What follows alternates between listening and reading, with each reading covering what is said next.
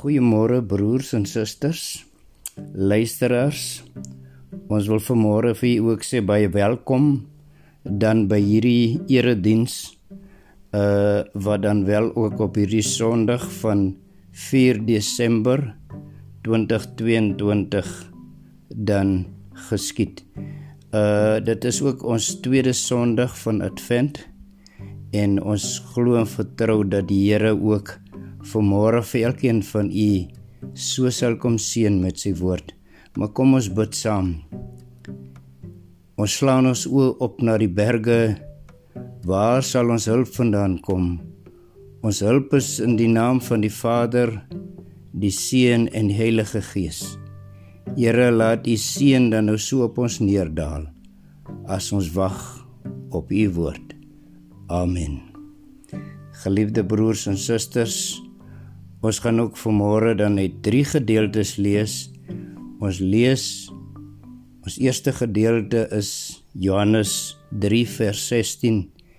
Want so lief het God die wêreld gehad dat hy sy unieke seun gegee het sodat elkeen wat in hom glo nie verlore sal gaan nie, maar die ewige lewe sal hê. Die tweede gedeelte kom uit 1 Korintiërs 13 vers 13 En nou bly geloof, hoop en liefde hierdie drie, maar die grootste hiervandaan hiervan is die liefde. En dan ons derde skriflesing is Galasiërs 5 vers 6. Want in Christus Jesus is die besnydenheid of onbesnydenheid van geen belang nie, maar wel geloof wat deur liefde werksaam is. Dit is dan ons skriflesing vir môre.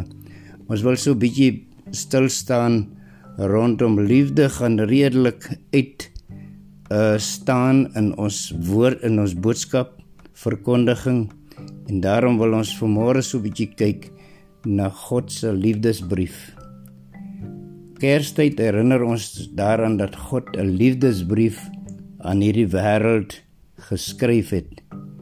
Telke male in die geskiedenis het God reeds sy liefde teenoor die mens ondubbelsinnig verklaar, maar die finale brief waarin God se hele hart vir ons oopgemaak het, word in die Kerstyd by die wêreld se posbus afgelewer. Die stal in Bethlehem is God se posbus. Daar word die kind van sy liefde gebore.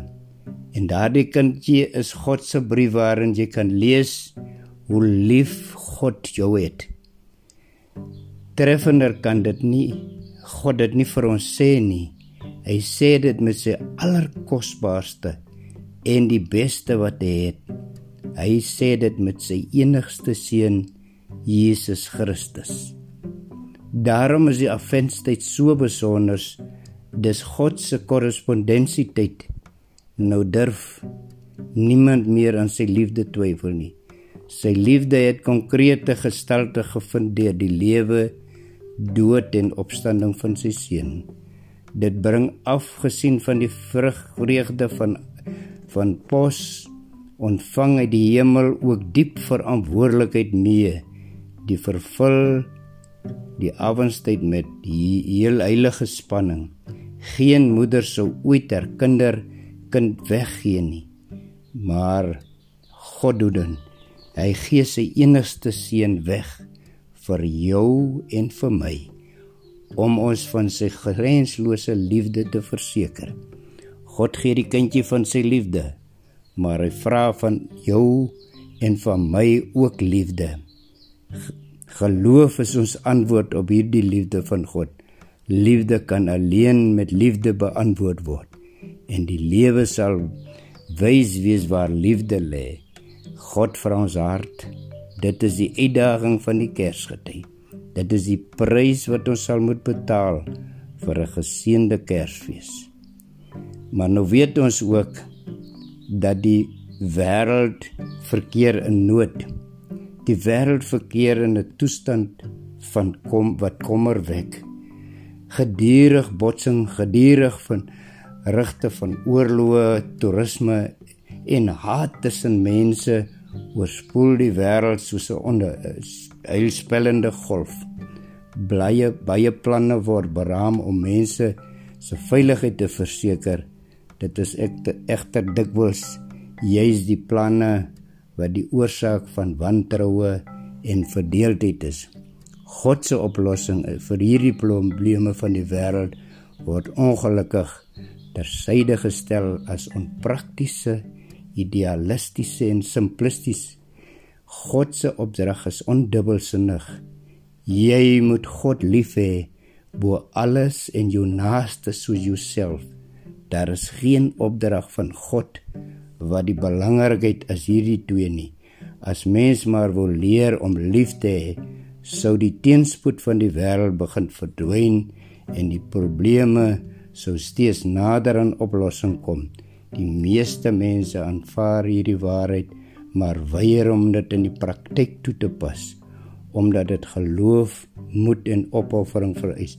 In eie tyd se Christene die evangelie van liefde sou leef en verkondig, sou dit die grootste enkele bydra tot vrede op aarde wees. Liefde is nie slegs 'n emosionele of sentimentele benadering tot probleme nie.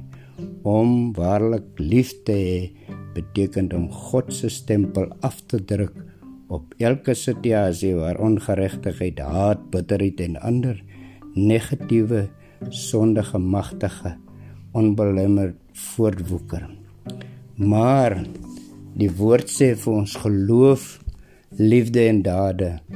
Daar is 'n vorm van geloof en teologiese en spekulasie en wensdenkery is en in die praktiese lewe kan nog wat die mond nie uit die dade van liefde nie. En dit is daarom onvrugbaar en ondikwels nutteloos. As my geloof my nie lei tot 'n dieper ervaring van God nie is dit skyngeloof en dien dit geen blywende doel in my lewe nie. God is die bron van alle ware liefde. Om 'n groot om 'n geloof te besit wat deur liefde tot dade oorgaan, moet ek ononderbroke verbintenis met die bron hê.